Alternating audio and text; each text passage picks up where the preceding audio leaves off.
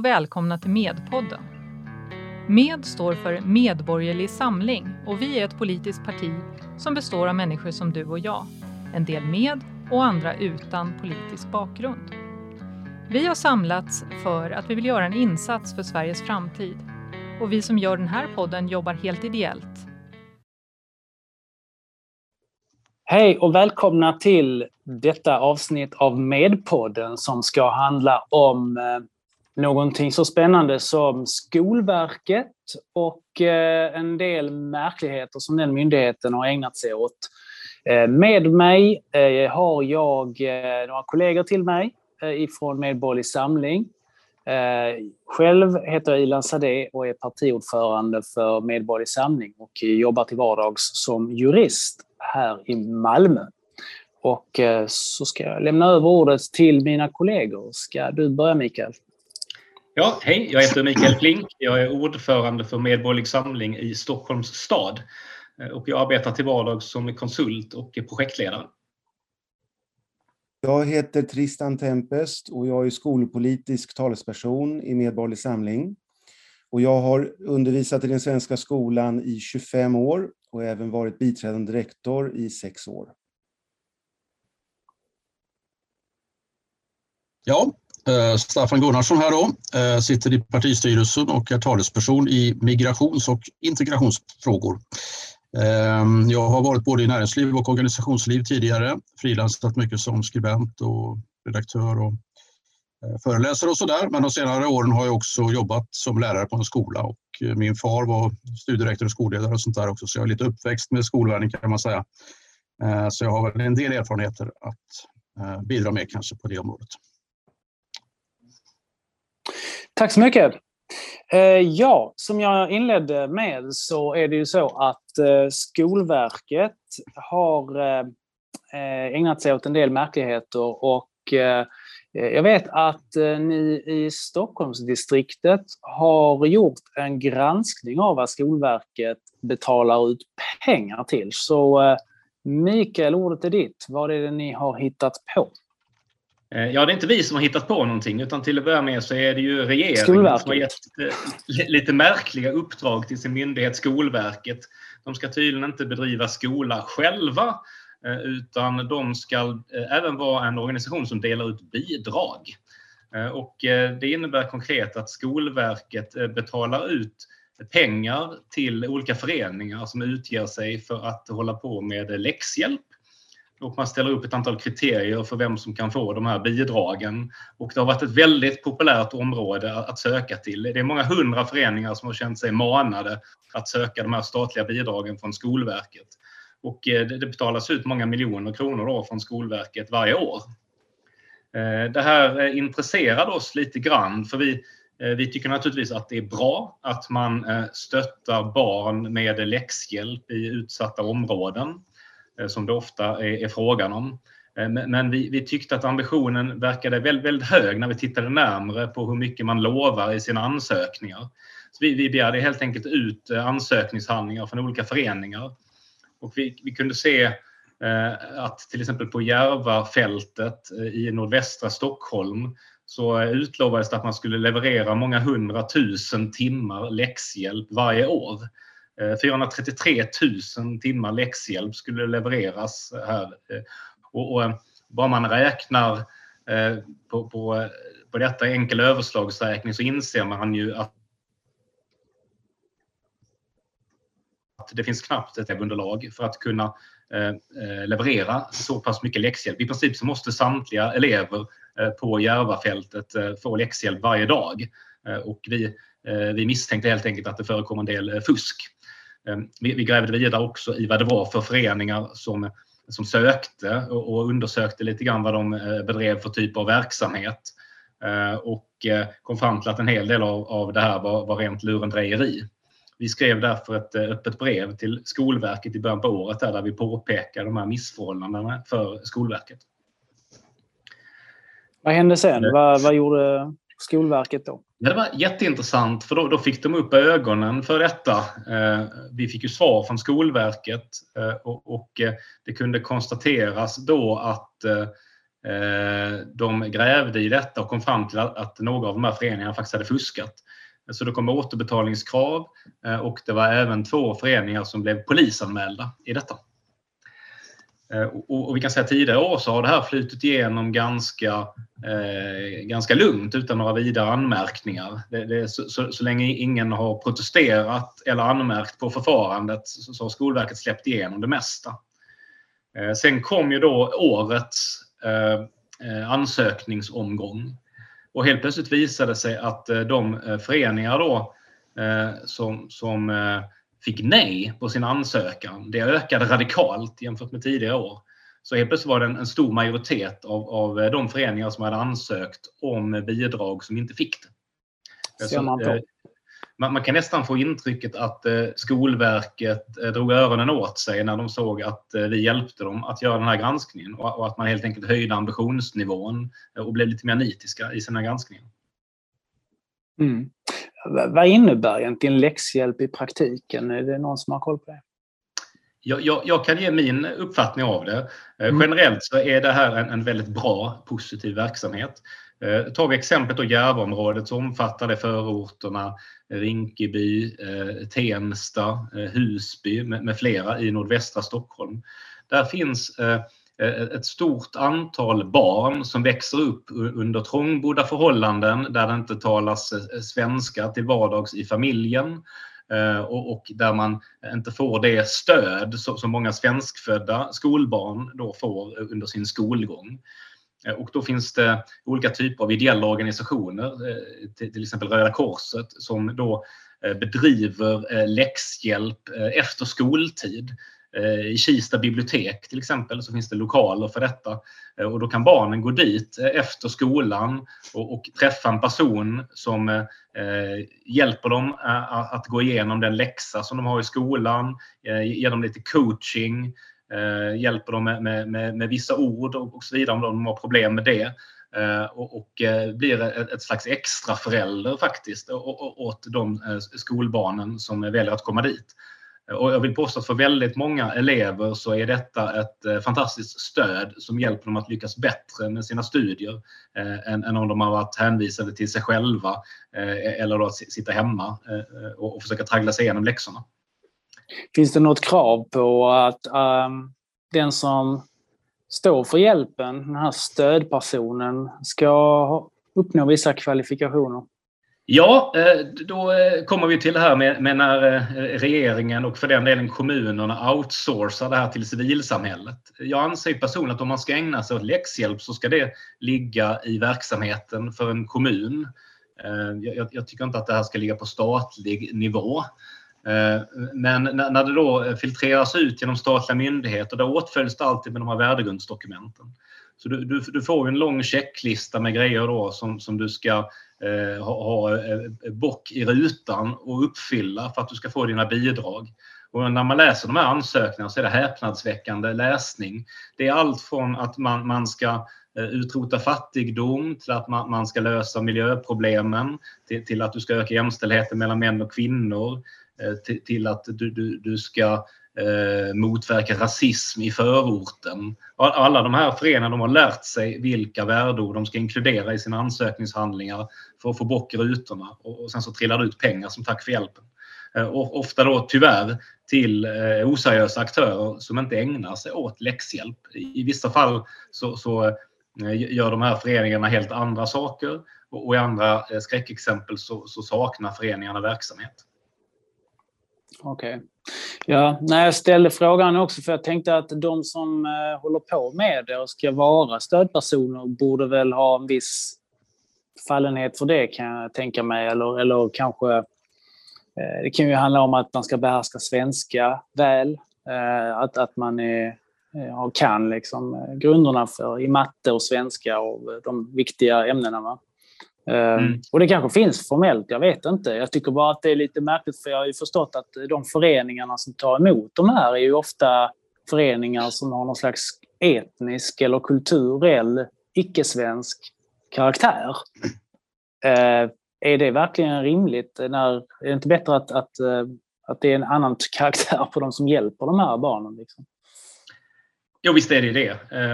Jag måste säga att många av föreningarna är seriösa och har kvalificerade personer.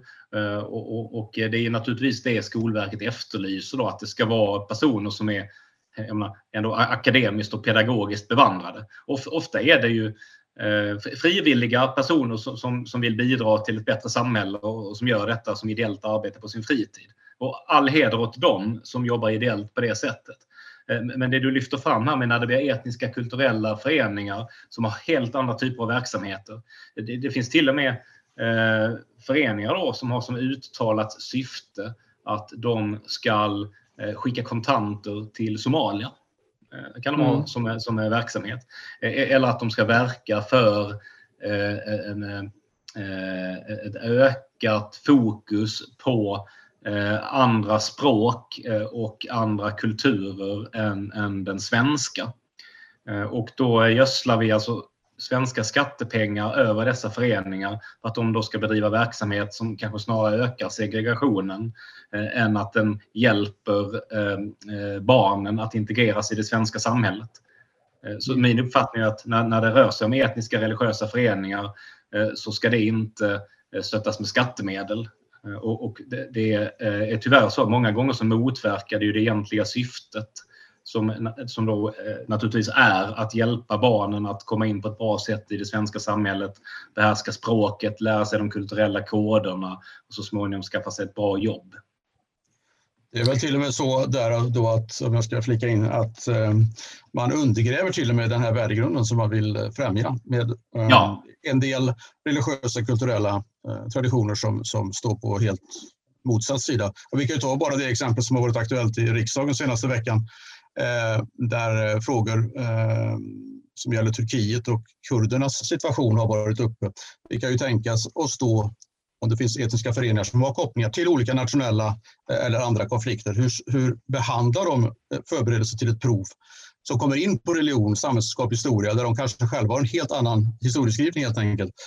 Hur tolkar man de sakerna? Om man läser om Palestinakonflikten eller Iran-Irak-kriget eller Jugoslavien eller vad det nu kan vara. Kan man förvänta sig att de är neutrala eller att de eh, ser på de här sakerna på samma sätt som den vetenskapliga beskrivningen som ska finnas i läroböckerna? Det här är ju ytterst tveksamt. Mm. Eh, Tristan, du är ju lärare och eh, jag tänkte, har du kommit i kontakt med, eh, med det här fenomenet tidigare? Lite grann. Eh, framförallt så tycker jag att skolor bör syssla med läxhjälp och liknande. Jag har jobbat på några olika gymnasieskolor i, i Stockholm och det är vanligt att man har räknestuga till exempel.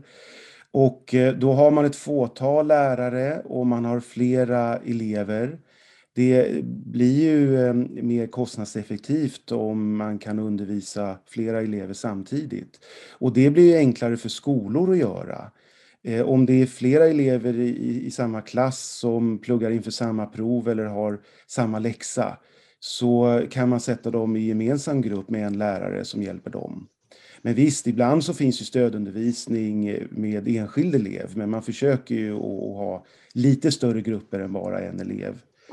Eh, och, på skolor så finns lokaler, det finns kompetens, eh, utbildad personal och liknande. Så att pengar till skolor så att de skulle ha råd att eh, bedriva eh, sån här eh, läxhjälp och liknande vore bra. Och det görs ju till viss del. Det finns ju också privata företag där vårdnadshavare får betala för läxhjälp. Ehm, så det här är ju ett väldigt ineffektivt sätt att gå tillväga. Att istället för att ha det då på kommunal nivå, i och med att vi fortfarande har kommunal skola, så är det då på, på statlig nivå som Mikael säger och Skolverket har ju inte varit intresserade tidigare av att, att göra den ganska enkla granskning som vi har gjort. Eh, det borde de ha gjort för länge sedan och upprepat. Eh, men om det här skulle ligga på, på kommuner och på enskilda skolor, eh, om resurserna skulle ligga där så skulle det finnas bättre möjligheter. Sen är det ju så att skolor i utsatta områden, de får ju en högre skolpeng i kraft av att vårdnadshavarna eh, inte har lika bra eh, socioekonomiska villkor och så. Men, men ändå så kan det finnas ett stort behov av läxhjälp, absolut. Mm. Men det här är verkligen ineffektivt, speciellt då när man inte vet vilka personer som står för läxhjälpen. Så visst. Jag, jag kan inte låta bli att tänka att det här knyter väl an lite till en av de stora frågorna i skol, inom skolpolitiken och framförallt inom medborgerlig samling skolpolitik, nämligen att kunna nivågruppera och att, att eh, elever som, som har svårt att hänga med eh, per automatik så att säga får läxhjälp genom att eh, Eh, få bättre, mer, alltså, eh, bättre anpassad undervisning för just dem. Och kan man då slå ihop dem i en grupp så blir det ju så otroligt mycket mer görligt och effektivt, tänker jag. Ja, ideologin från eh, Skolverket och våra pedagogiska institutioner och även riksdagen är ju inkludering. Att med undantag av särskolan så ska alla elever oavsett förutsättningar och eventuella diagnoser och så, de ska inkluderas i klassens ram. Eh, och det har ju blivit svårare för lärare att bedriva traditionell undervisning på grund av inkluderingen. Mm. Vi har ju sedan flera år tillbaks gått ut väldigt hårt med att vi vill att skolan i mycket stor utsträckning ska nivågrupperas eh, och att elever ska ha rätt att så långt som möjligt få undervisning på sin egen nivå genom att vara i undervisningsgrupp tillsammans med andra likartade elever. Eh, inte bara när det gäller studieresultat utan det kan vara förkunskaper, motivation, alla möjliga olika egenskaper. Eh, och den här inkluderingsideologin är ju så misslyckad så nu har ju eh, eh några riksdagspartier börjat vakna lite och prata lite om ökad nivågruppering. Och eh, all möjlig individualisering, till exempel genom läxhjälp, räknestugor och allt möjligt sånt, är ju på många sätt bra, som Mikael är inne på. Så vi är ju inte motståndare till att elever studerar utanför de obligatoriska lektionerna. Nej, nej, det... På, ja, på olika sätt mm. och, och, eh, med mer då individualiserad undervisning. Mm. Nej, nej, det är ju en förutsättning, och, men där har det ju förekommit en eh, debatt i Sverige till och med om läxors vara och inte vara. Eh, men, men det är ju uppenbart för alla som kan någonting om, om eh, inlärning att, att eh, man måste ju repetera och, och, och liksom göra det arbetet utanför lektionstid för att man ska kunna komma snabbt framåt. Det är väl någonting som man har vetat om i tusentals år och så plötsligt så får vi för oss någonting här att, att det, det skulle kunna vara skadligt. Det kanske har eh, minskat lite men jag kommer ihåg att för 10-15 år sedan så, så var det ju liksom Eh, fullt ifrågasättande i skoldebatten om man överhuvudtaget fick lov att ha läxor. Liksom. Och, och, för länge sedan så hade vi Vänsterpartiet kommunisterna och deras ungdomsförbund mm. som var väldigt mycket emot läxor i skolan, även på gymnasieskolan. Ehm, sen finns det en del berättigad kritik mot en del läxor. Det betygssystem vi har nu, det eh, förutsätter att elever producerar betygsunderlag som lärare då kan bedöma. Eh, mer än i, i det betygssystem som jag hade som elev, det här relativa betygssystemet 1 5. Och eh, det har gjort att lärare ålägger elever mycket att producera betygsunderlag hemma. Så läxorna är inte så mycket till alltid för att eleven ska lära sig, utan eleven ska visa vad han eller hon kan. Men då kan ju eh, eleven då få hjälp av sina föräldrar som eh, många vittnar ju om att de hjälper sina barn och gör då, konstruerar, skriver de här eh, betygsunderlagen. Så att det, det är akademikerföräldrarna som får sina texter rättade och bedömda.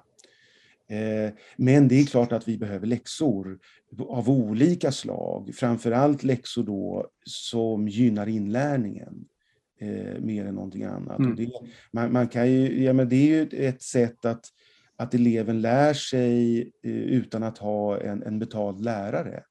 Och, och, eleven har ju betald lärare eh, fem dagar i veckan så att det blir, kan ju bli mycket uppföljning och, och så på läxorna.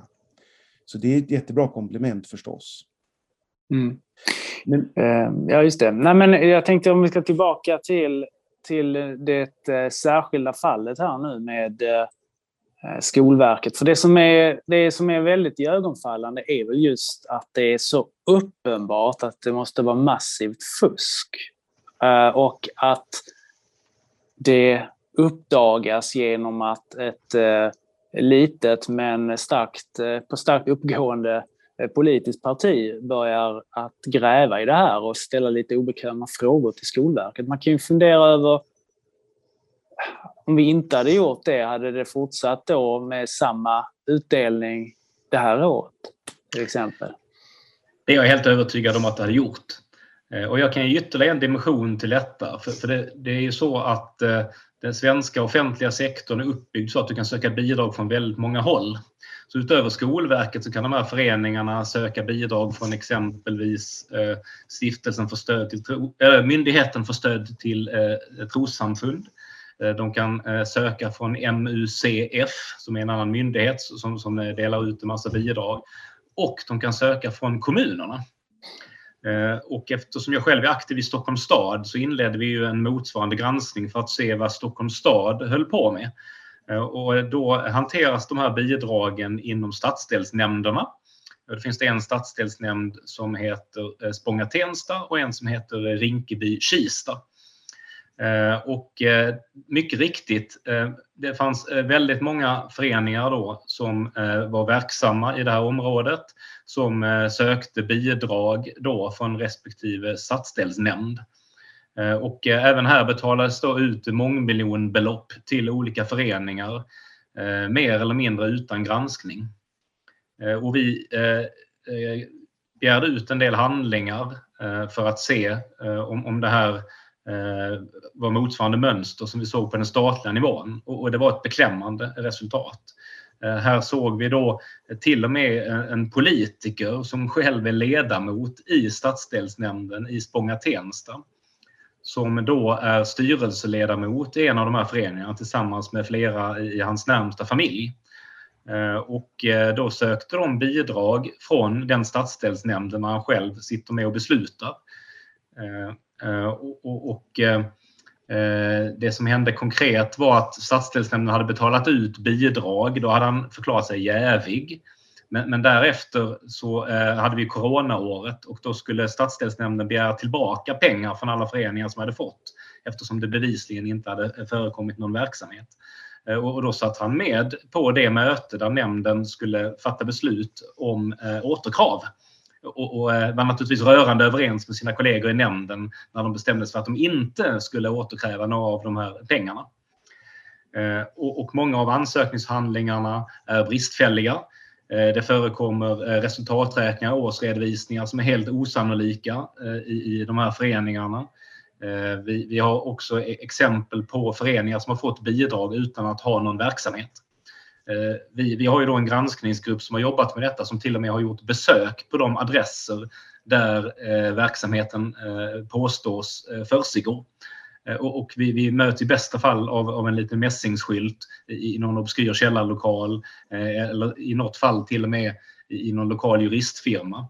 Så det är alldeles uppenbart att här förekommer ingen läxhjälp och här förekommer inte eh, någon Eh, bidrag till eh, att rädda planeten eh, eller stoppa miljöförstöringen eller att slopa segregationen i förorten. Utan det är rent och skärt bedrägeri där vi då kan se företrädare från både kommunala nämnden och i vissa fall också förvaltningen som spelar framträdande positioner i det här bidragsfusket. Eh, och själv blir jag oerhört upprörd. Eh, jag är ju kommunpolitiker och, och anser att kommunens pengar den ska ju användas för kärnverksamheten. De här pengarna borde gå raka vägen till aktiviteter som stöttar barnen i, i Rinkeby och Tensta. De ska inte slussas ut till eh, eh fuskande föreningar eh, som eh, sen använder pengarna till att köpa klockor eller bilar mm. eller, eller skicka till utlandet. Men det där verkar ju vara någon sån där sjuka som jag tycker mig se överallt, inte minst i min hemkommun Malmö.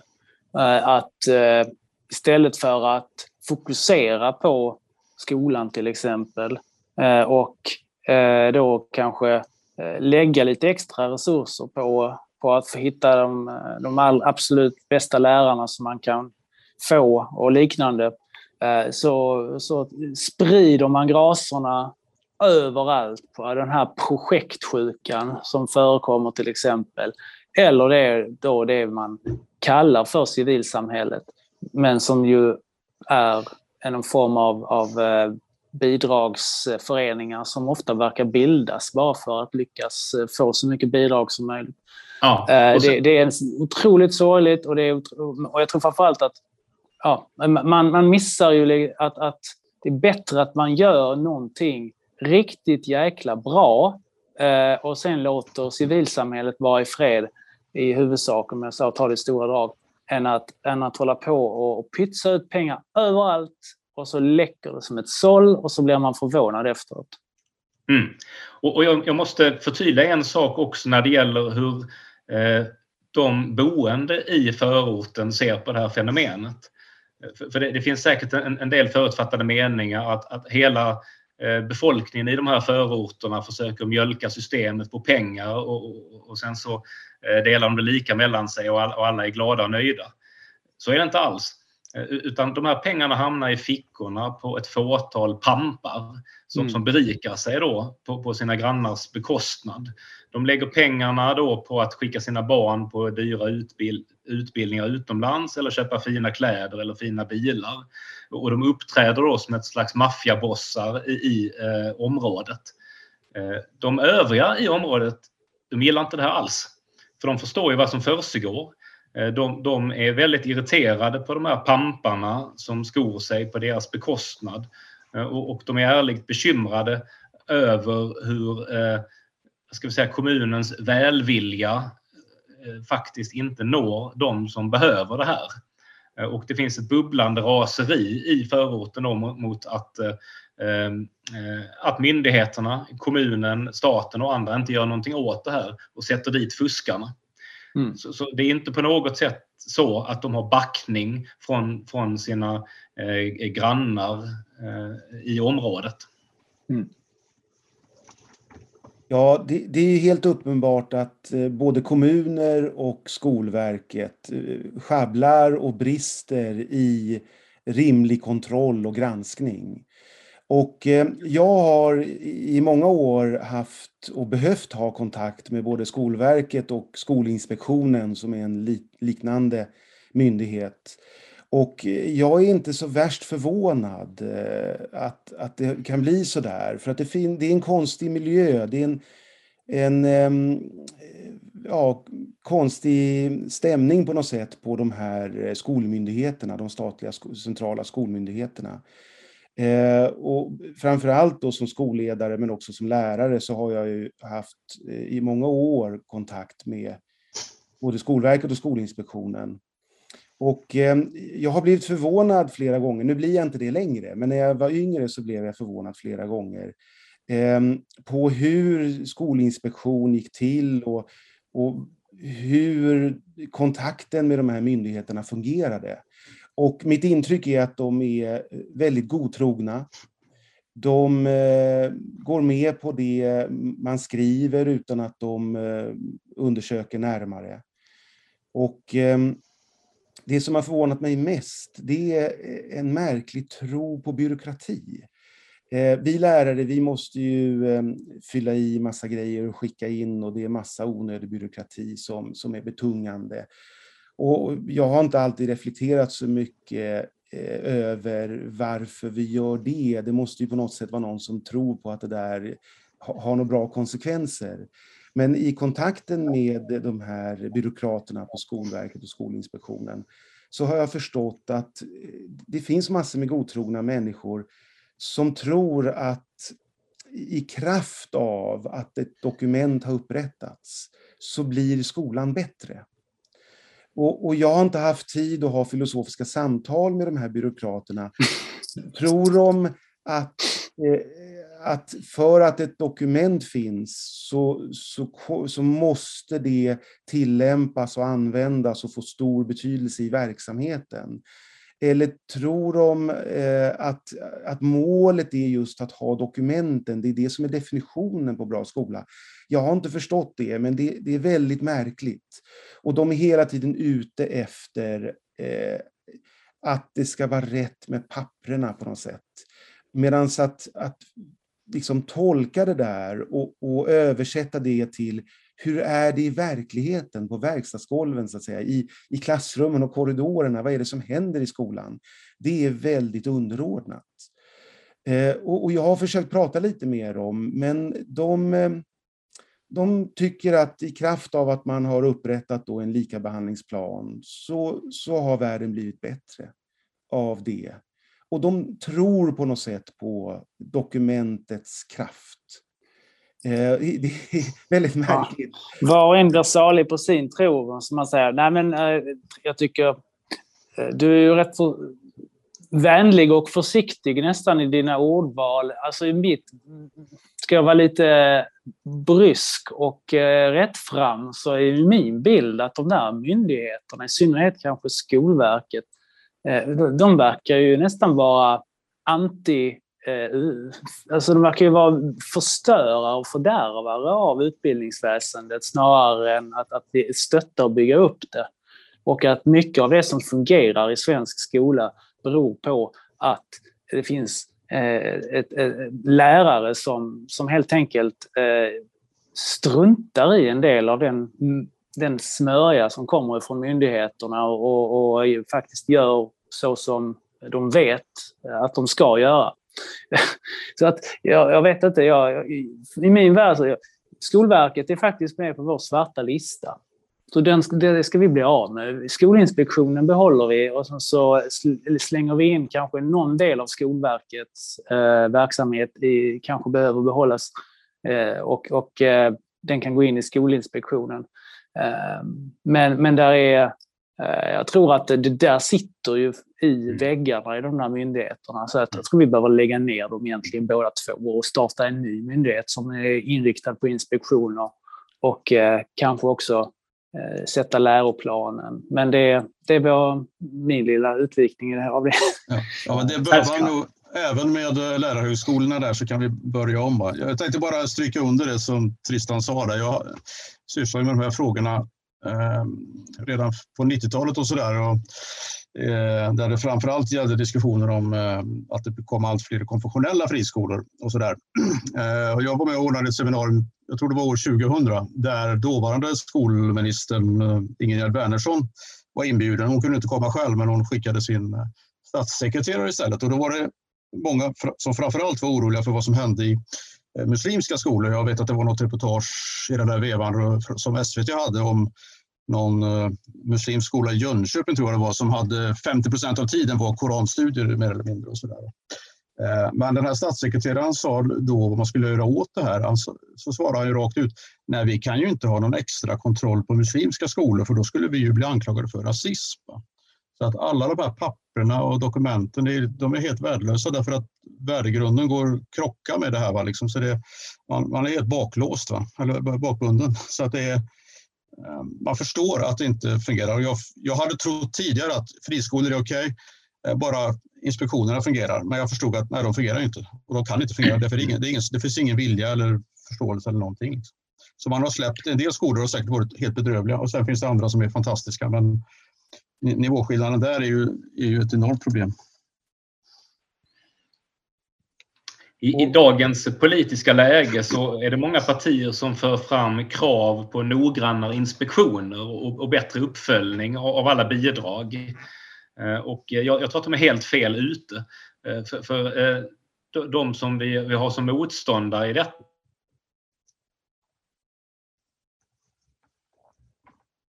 smarta. De, de är faktiskt smartare än, de är hela tiden ett steg före och hittar på mer och mer raffinerade metoder att luras. Eh, så, så därför är min egen personliga uppfattning att eh, alla de här bidragen och stöden de behöver avvecklas i sin helhet. Eh, det går inte att hålla på och, och dela ut en, en massa eh, låtsasbidrag till eh, verksamheter som inte är kärnverksamhet. Utan slopa bidragen och lägg istället som en del av uppdraget åt eh, kommuner och i, och i vissa fall statliga myndigheter att bedriva verksamheten själva istället för att outsourca den till civilsamhället via bidrag. Det är min uppfattning. Ja, skolorna kan sköta mycket av läxhjälpen om de får mm. lite extra betalt för det. Eh, och det behöver inte alltid vara eh, ordinarie lärare på skolan, även om det är bra om eh, några sådana också kan vara med. Mm. Ja, men jag ska bara följa, följa upp det som du var inne på Mikael. Det är så himla rätt. Därför att vad vi får om vi bara skriker efter mer kontroll vilket ju är populärt som du säger och alla de borgerliga partierna i, riksdagen är ju inne på den, den linjen egentligen. Mm. Men det är ju ytterligare byråkrati för att man ska kontrollera. Eh, och vi får ju problemet att det blir allt starkare statlig och kommunal styrning av det som ska vara civilsamhället.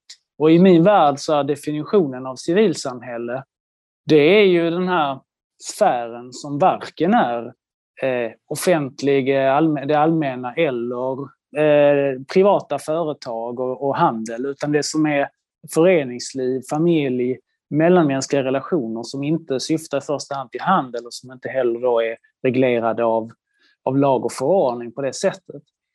Eh, så eh, det, det, det, är helt, helt galet egentligen att partier som, som en gång i tiden kanske sa sig stå upp för någon slags frihetstanke, bara går längre och längre in i någon slags idé att eh, man löser saker med mer kontroll.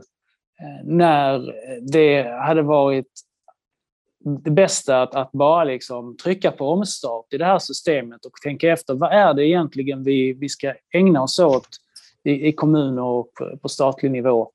Fokusera på det och eh, släpp civilsamhället fritt på riktigt. Eh, och sen kommer det naturligtvis innebära att många av dagens föreningar kommer säkert att trilla ihop som korthus. Och de kommer att gala och skrika om att eh, vi, vi Medborgerlig Samling, vi, vi vill slakta civilsamhället och vi vill eh, eh sätta stackars eh, barn som inte, behöver, som inte kan eh, göra läxorna själva på bar backe och hela faderullan. Det, det kommer ju såklart. Men men det är ju måste att, att liksom ta det här steget för att det kommer inte att bli på det sättet. Jag är helt övertygad om att nya folkrörelser i Sverige kommer att växa underifrån. Eh, och det finns akuta samhällsproblem idag som inte har eh, folkrörelser, tror jag, som skulle kunna inrikta sig särskilt på dem och andra folkrörelser som inte längre har några samhällsproblem att inrikta sig på. Därför att de bildades i en annan tid. Låt dem falla ihop. Ehm, så det, det är väl en, en eh, helt utmärkt eh, linje att köra. Sen är inte vi i media direkt motståndare till sådant som... Eh, alltså det finns vissa saker som, man, som kan vara berättigat att, att stötta en del, till exempel idrott i barn och unga och så. Men det är en del av, kan man säga, utbildnings... Kan man säga det som? En utbildningsverksamhet och en del folkhälsa och så i det hela. Men, men att vuxna människor Eh, ska få sin eh, fritidsverksamhet finansierad på det sättet. Eh, det, det är i grunden fel. Ja, det fria civilsamhället är ju till stor del kväst av socialdemokratin och eh, högskatte och högbidragssamhället. Så vi vill ju skapa ett fritt och levande civilsamhälle och det måste då vara fritt från eh, offentlig sektor. Mm. Eh, jag vill också nämna lite grann min erfarenhet av eh, statlig inspektion i skolans värld. För den fungerar verkligen inte.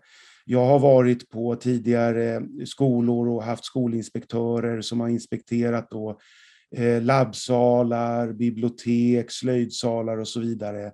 Och de har lättvindigt godkänt eh, lokaler och verksamhet som abs absolut inte är acceptabel. Eh, som inte alls kommer upp i nivå med eh, vad som traditionellt var labbsalar och bibliotek och slöjdsalar i svenska skolor. Eh, och jag tror att många av de här skolinspektörerna är väl gamla svensklärare kanske som inte har någon som helst koll på slöjd och idrott och, och labbar och allt möjligt sånt. Eh, det, det, är helt dysfunktionellt eh, inspektion och styrning från, från staten när det gäller skolan. Mm. Och nu har vi sett att det är också helt dysfunktionellt när det gäller bidrag som de beviljar utan någon som helst rimlig kontroll. Eh, det här hade de enkelt kunnat göra för många år sedan. Eh, men eh, 10 miljontals kronor har bara runnit iväg. Mm. Ja, så om man ska summera det hela lite så kan vi säga att, att eh, läxhjälp alldeles utmärkt, men den kan bedrivas inom ramen för skolans ordinarie verksamhet. Eh, då får man eh, förmodligen eh, professionell läxhjälp och pengarna går inte till eh, uppenbart fusk och in i, i fickorna hos eh, oseriösa aktörer, som är ju helt uppenbart har skett. Och skol, inte Skolinspektionen i det här fallet, men Skolverket och kanske i viss mån också Skolinspektionen är helt dysfunktionella myndigheter Eh, vi ser framför oss att vi borde nästan vi borde lägga ner dem och eh, sätta upp kanske en, en ny skolmyndighet eh, med mer inriktning på, på inspektion och, och läroplan. Ehm, och släpp föreningslivet fritt, för guds skull. Ehm, det är väl en ganska bra sammanfattning av problematiken här, inte sant? Absolut finemang. Eh, ja, jag vet inte om det är någon som har något att tillägga eller eh, det kanske var en bra avslutning på det hela. Okej, okay, i så fall eh, tack så mycket för er medverkan. Eh, tack Mikael Flink, ordförande för Medborgerlig Samling Stockholm. Tristan Tempest, eh, skolpolitisk talesperson för Medborgerlig Samling. Eh, och Staffan Gunnarsson, Eh, partistyrelseledamot och eh, talesperson inom eh, migration och integrationspolitik. Och jag som tackar er är Idan Sadeh, partiordförande för Medborgarsamling. Tack och hej.